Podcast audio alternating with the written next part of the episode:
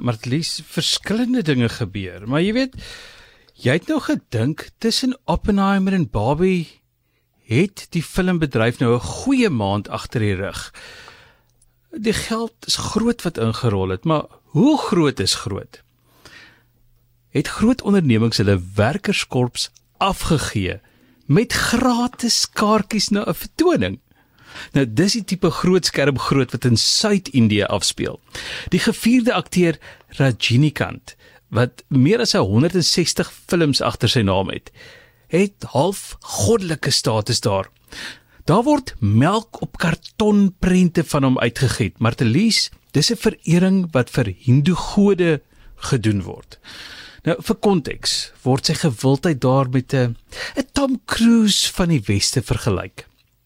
Die 72-jarige akteur het 2 jaar gelede laaste film die lig laat sien. Nou is die aksieprent Jailer in die Tamil taal vrygestel.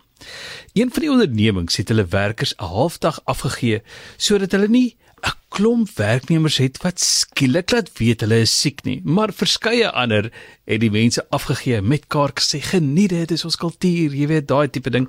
Maar dit gebeur in Suid-Indië. In 2016 het hierdie persoon 'n film uitgebring waar hy as 'n verkeerdelik veroordeelde bendelid uit 'n tronk vrygelaat word.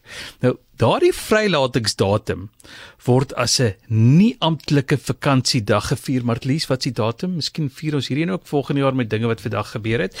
Maar die Suid-Indiese Tamil filmbedryf staan bekend as Kollywood.